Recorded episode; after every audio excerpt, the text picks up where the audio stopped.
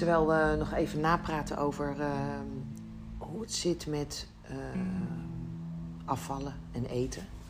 En in de herhaling vallen. eh, zijn we ons ook bewust over het feit dat dat met, met drank- en drugsgebruik is. Ja. Dat is een beetje hetzelfde. Hè? Dat kunnen we nog wel scharen onder dezelfde noemer. Hè? Eten en drank en drugs, daar- daarvan zijn we wel... Een soort van verslaving. Dat noemen we verslaving. Opvullen van leegte, eh, emoties weg, eten, drinken, blowen, whatever. Ja. Ja. Tegelijkertijd kwamen we op, eh, op het onderwerp... wat nou met degene die steeds dezelfde eh, misdrijven of... Plegen en, Ja, ja, en steeds weer in de gevangenis komen. Eigenlijk om hetzelfde. ja, omdat ze maar blijven verkrachten... of omdat ze maar blijven doen wat ze doen. Stelen of... Ja. ja. Ja. En toen Of, zei, of frauderen. Of, eh, ja, toen zei ik eigenlijk van, volgens mij, en dat klinkt voor veel mensen heftig, maar kan je het onder hetzelfde scharen. De ziel blijft maar opnieuw ervaren. mhm. Maar ik denk dat die ziel doorgaat met ervaren, omdat die, eh, er is geen acceptatie. En zolang er geen acceptatie zit, heeft de ziel de ervaring nog niet onder controle, onder de knie. Ik weet niet precies hoe je dat moet Nou ja, noemen. Het, is deels denk ik acceptatie en deels is het ook weer waar we het net over hadden, een stuk bewustwording. Ja, Want wat maakt nou dat je steeds diezelfde handeling blijft verrichten? ja, dat klopt. Wat is er niet waarvan je wilt dat het er wel is? Dus kun je een andere creatie starten? Kun je op een andere manier ermee omgaan? Ja, maar met dat we dit zeggen, denk ik, je kan echt bijna alles wat er gebeurt, ik zeg bijna omdat er zullen uitzonderingen zijn, kan je onder ditzelfde principe scharen. Ja. En je kan het gelijk trekken en dan zal iedereen zeggen, ja, maar dat met dat eten is niet zo heftig, want in de gevangenis is het natuurlijk veel heftiger en misdrijven plegen. En Iemand vermoorden of zo? ja, Vuurmoordenaar zijn? maar dan komen we bij waar wij net zaten, daar hebben we niet ingesproken. Ehm, wat is gruwelijk of heftig?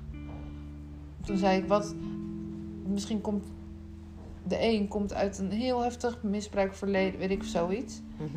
En de volgende heeft gewoon een redelijk normaal leven met een paar kleine dingetjes gehad. Mhm.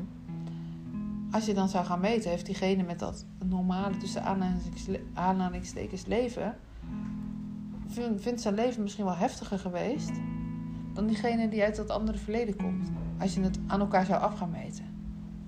Dus heftig is heel relatief. Tuurlijk, het is wat jij ervaart. Net zoals met pijn. Ik zei inderdaad, de pijn. Stel, wij krijgen precies dezelfde pijn toegediend. Weet je wel, wetenschappelijk helemaal uitgezocht. Misschien huppel ik wel door, of jij. En ligt de ander doodziek in bed. Het is, hoe kan jouw systeem het aan en wat kan je systeem ervaren? Hoe komt het binnen?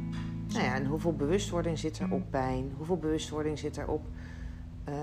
hè, want- pijn hebben we het nu even over fysieke pijn. Maar je hebt natuurlijk ook emotionele pijn. Ja, dus het verlies van iemand. Ja, zat ik bij aan heftigheid te denken net. Ja. Ja, ook het verlies van iemand. Het gaat de Of een... liefdesverdriet, dood. Ja. Hoe ga je daarmee om? ja, en de een zit misschien wel jaren in zak en as. En de andere kan na een week door. En zal het als veel minder heftig omschrijven.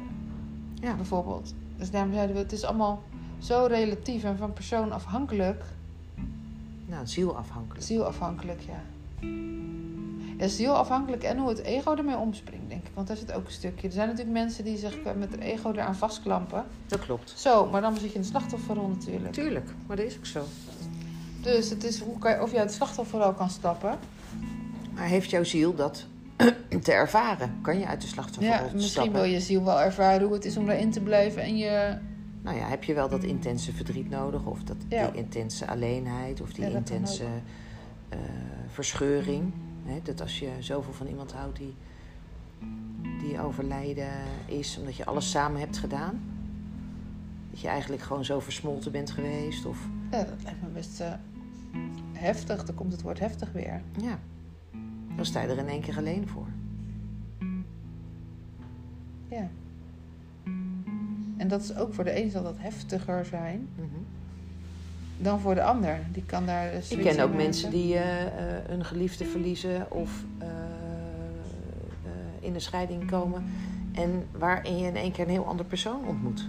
Omdat hij geleden heeft onder Ja, eh, de verbinding die er was. Omdat ze in één keer vrij zijn of Ja. zo. Ja. Ja, dat is ook wat er gebeurt. Ja.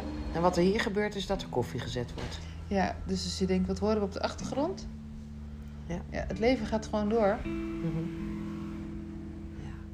Nou ja, ook dat is er. En dat is leuk. De een zal daar, die luistert en die denkt, nou wat is dat? En de ander zal het niet eens opvallen. De een irriteert zich eraan en de ander die denkt...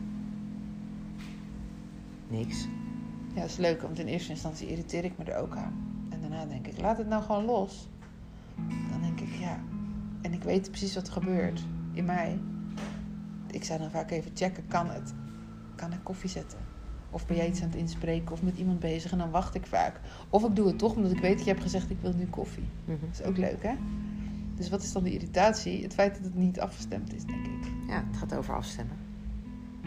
Maar ja, als we alles moeten afstemmen, dan gaat iemand op zijn tenen lopen. Is ook weer zo. Dan kan je niet meer leven. Nee, dat klopt ook. Dus waar is het, eh, is het nog afstemming? En waar is het, nou, doe maar gewoon lekker wat je zelf wil of zo. Nee, en als je dat nou eens trekt naar dader-slachtoffer, naar frauderen, naar verkrachting, naar stelen, Ja. naar doodschieten. Kun je die even concreet maken? Nou ja, over wanneer doet iemand wat hij zelf wil of is er afstemming? En denk, als ik iemand dood ga schieten, in hoeverre kan je dan nog van afstemming spreken? Want je gaat dan nog niet vragen, nou mag ik jou doodschieten of niet? Nee, dat snap ik. Dus het is toch ook de- uiteindelijk altijd wat je zelf wil. Of diegene moet hebben gezegd, nou ik wil wel dood. Maar Ja, goed. ik weet het niet. Ik ben, dan ben ik even aan het zoeken wat je bedoelt.